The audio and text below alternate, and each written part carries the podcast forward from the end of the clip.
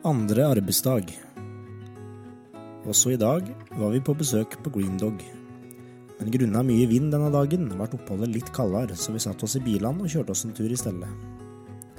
Vi kjørte en tur innover Bjørndalen, som er et meget populært tur- og hytteområde. Her er det òg flere fine rasteplasser nede ved havet. Lokalstyret i Longyearbyen, det som tilsvarer kommunen på fastlandet, har annet ei hytte her, Fornebu, og den kan vi ansatte låne om ønskelig. Lokalstyret har flere ulike hytter spredt utover på øya. Noen i nærområdet, og noen ca. tolv timers scootertur unna. Disse hyttene er det veldig blest om, så man må være tidlig ute. Tilbake til barnehagen gikk resten av barnehagedagen slik som barnehagedager som oftest gjør. Mye fin lek og gode øyeblikk sammen med ungene. Jeg må fortelle om et lite hverdagsøyeblikk. Om en veldig sjarmerende lyshåra treåring med snakketøy i behold. Han fortalte om at pappaen var på jobb, og at gutten hadde fått være med pappaen sin på jobb flere ganger. Jeg måtte spørre om hva pappaen hans jobba med. Gutten stramma seg opp, tok en smånonsjalant bevegelse med huet, og på sin brede nordnorske dialekt sa han. Han pappa jobber med greier. Og mer var ikke om den saken, og vi snakka videre om neste tema. Denne dagen kom òg flyttelasset mitt i land med båten. Så når jeg kom hjem fra jobb, sto det to kjente paller med eiendeler der, som hadde blitt plukka opp av Bring i Alvdal, og nå kommet ut med båt ifra Tromsø. Og det ble godt å endelig kunne sette et personlig preg på leiligheta her.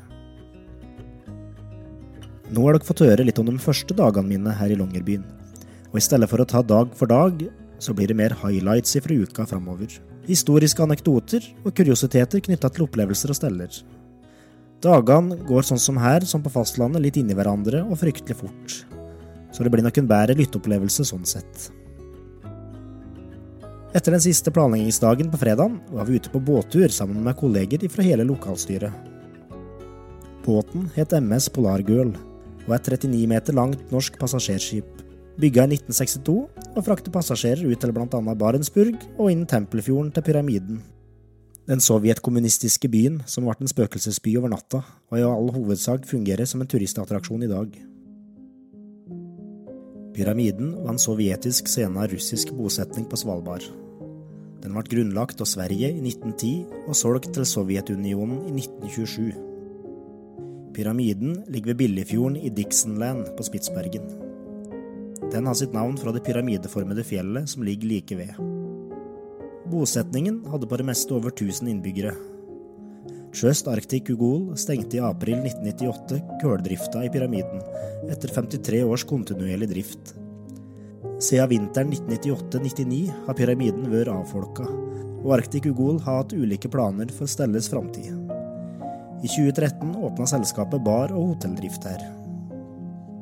Pyramiden var en godt utvikla by med bensinstasjon, drivhus, fjøs, skole, barnehage, sykehus, hotell, restaurant og diverse andre fasiliteter. De fleste byggene står fremdeles slik som de var når de ble forlatt. Folk som bodde her, hadde tilgang til svømmebasseng, skytebane, innehall og fotballbane. Den nærmeste bosetninga til pyramiden er Longyearbyen, omtrent 50 km lenger sør, og forskningssamfunnet Ny-Ålesund 100 km mot vest. Men vårt formål med turen var å få sett hval, og aller helst blåhval, verdens største pattedyr. Som den innlandskrabba jeg er, lite sjøvant, fulgte jeg godt med på værmeldingene i dagene og timene før turen. Sist jeg var ute på det åpne hav, var i 7. klasse på Bjørnsund, og da var turen tilbrakt i liggende leie på dekk, mens alt inntak av mat og drikke havna utover båtripa. En gjentagelse av det frista ikke. Godt kledd, iført de varmeste plaggene en alvdøl har, la vi ut fra Longyearby havn og utover seks timers tur ut i ishavet.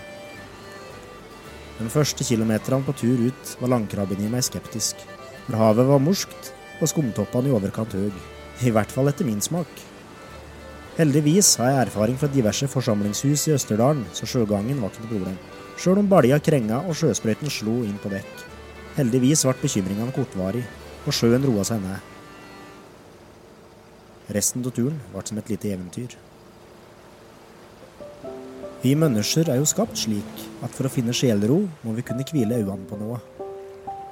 De som oppvokser ved sjøen eller havet, finner denne roen med å hvile øynene på horisonten, bølgeskvulp og sola som bader seg i havet.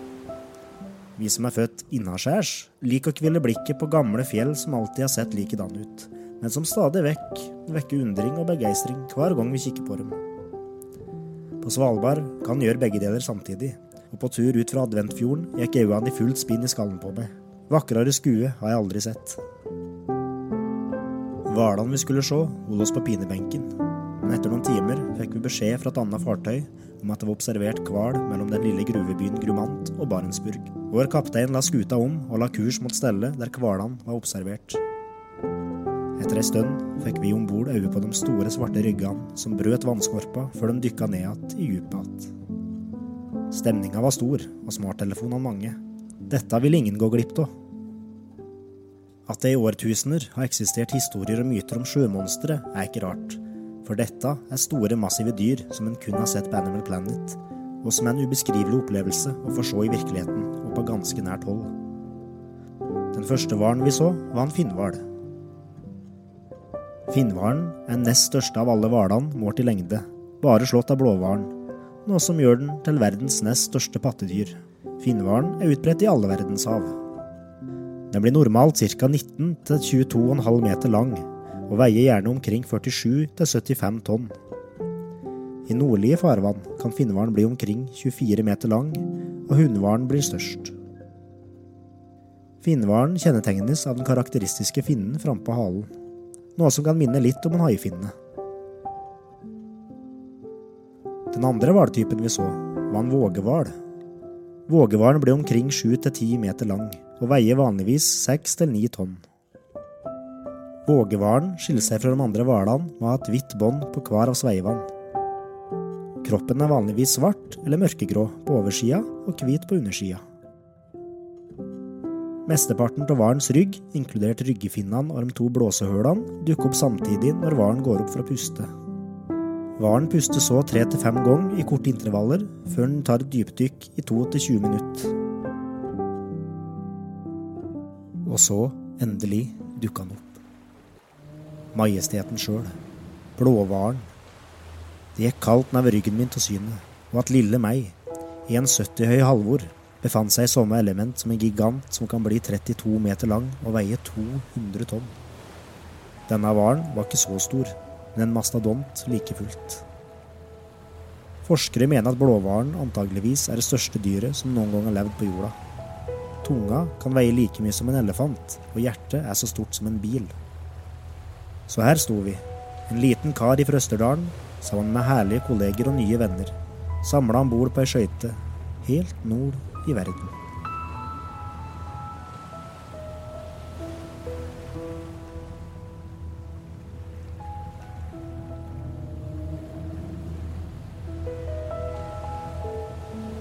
Du har nå hørt tredje racerbrev ifra Svalbard. Neste racerbrev kommer neste søndag.